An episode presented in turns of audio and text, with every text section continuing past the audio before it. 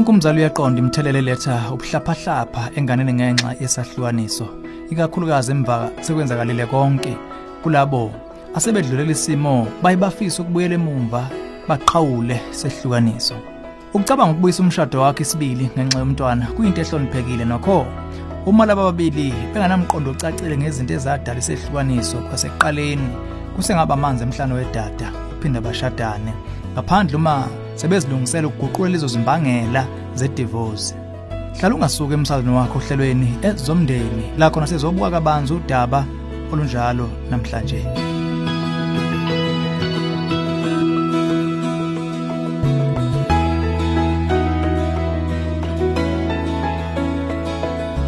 Angikubengele mlalo ohloniphekile. Ezomndeni uhlelo ukulethela izeluleko eziphathekayo ngaba focus on the family.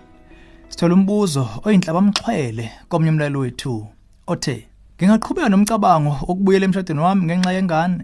Sobabili singamaKristu. Ngeshwa sigcine nje sesihlukanisa. Emasitini ambalwa edlule ngizizwa nginomzangedwa ngalokwehlukanisa esimeni senganyana yethu. Nicabanga ngenze kuphi? Awuchazanga nokho izinto ezaholela esahlukaniseni senu. Nokho singaqagula ukuthi zibandakanya ukuthukuthela nokubaba kwenhliziyo okwakukhona. Uma wena nowakwakho nikulungele ukulahla leyo mizwa bese nihlabele phambili phezulu kobuhlungu nonqobuzano olwenzeka.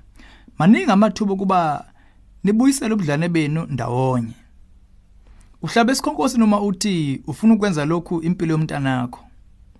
Ongaphezulu kwalokhu ke ukuthi iBhayibheli sitshela ukuthi uNkulunkulu uyasizonda isehlukaniso. Okwenza singananazi ukuthi ukubuyisana kwenu kuyicebo lakhe elihle ngempilo yenu. Siphinde futhi sikusho ukuthi lo nkulunkulu wasinika isipho sokuyikhethela lokho kuchaza ukuthi nakuba wena ungathanda kodwa uma uwakwakhe ngayihoyi akukho ongakwenza ukuguqula ingqondo yakhe. Ungaqhubeka uthandaze yebo nebala ilokho kanye esikunxusela kukho. Mhlawumbe uvele usuqala ukucela uNkulunkulu avule indlela enhlizweni yakwakho ze kuvuleke ubuyisano. Uma kunjalo ungalibali nokukhulekela isimo senhliziyo yakho futhi. Kuyavamisa esahlukanisweni ukuthi lo omunye udebuka inhliziyo yomunye esikhulini sokusicinga naye azilungise nakweyakho kuze kube neselapho. Seke kwayinxusa lenkosi ukukhombisa amakhona enkambiso yakho odinga ukuyendlala ealtar lawo na. Unalo ulwazi lokuthi nawe kungenzeka waba nesandla ekuhlukaneni kwenu. Uma ungakaze ngakho Ziphi ithuba uyihlolo ngokwethembekile bese ucela ubaba wakho sezweni ukubona izizinto zenhliziyo yakho nemicabango yakho. Isiqephu sesibili kungaba ukuyibandakanya olulekweni olungezokuhlukanisa nokubuyisana okunokwenzeka lukhona ebandleni mhlambe okhonza kulona. Ube nabazalwane nje abambalwa kodwa nikwazi ukuvulelana izifuba ngobuqiniso nokwethembeka. Yilapho ozokwazi ukuyibona amakhona akho. Uzokwazi ukuzibona ngeso labanye abazalwane wena ubungazazi ngalo. Kodwa bona bakubonayo kuwe.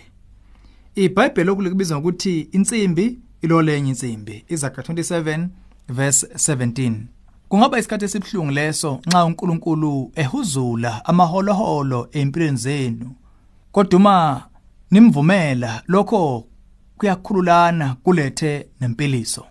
Uma lo owayengakwakho naye kulungele ukuhamba lolu hambo lokuzihlola kungathiwe sekufika ithuba ke lokuba kenolulekwa nini nobabili. Kulapho ke usengaqala uqinisa amagxathu okubuyisela umshado wenu. Lokhu kungathatha isikhathi. Ukusebenza kanzima isineke inhlakanipho noma uyawehlukanisa nokho siyakholwa amava akho angaba impumelo uma nobabili nikulungele ukuyikhandla. Ngokuqondisa nezeluleko sizwele wemukelekile ukusithinta eminyangweni wakwa Focus on the Family wezeluleko kwethi 031 716 3300 abaluleki bethu bangaphinda bakudlulisele kubaluleki bezemndeni abakufundele abaseduze nawe. Sethembile ukuthi wena nowayengwa kwakho uzosibukisisa kahle bese niyasebenza kwenzeni uguquko oluzoqinisekisa impumelelo yokubuyisa umshado wenu. Lolu hlelo ezomndeni ulethulelwe yi-focus on the family sihlangabezwa ohlelweni oluzayo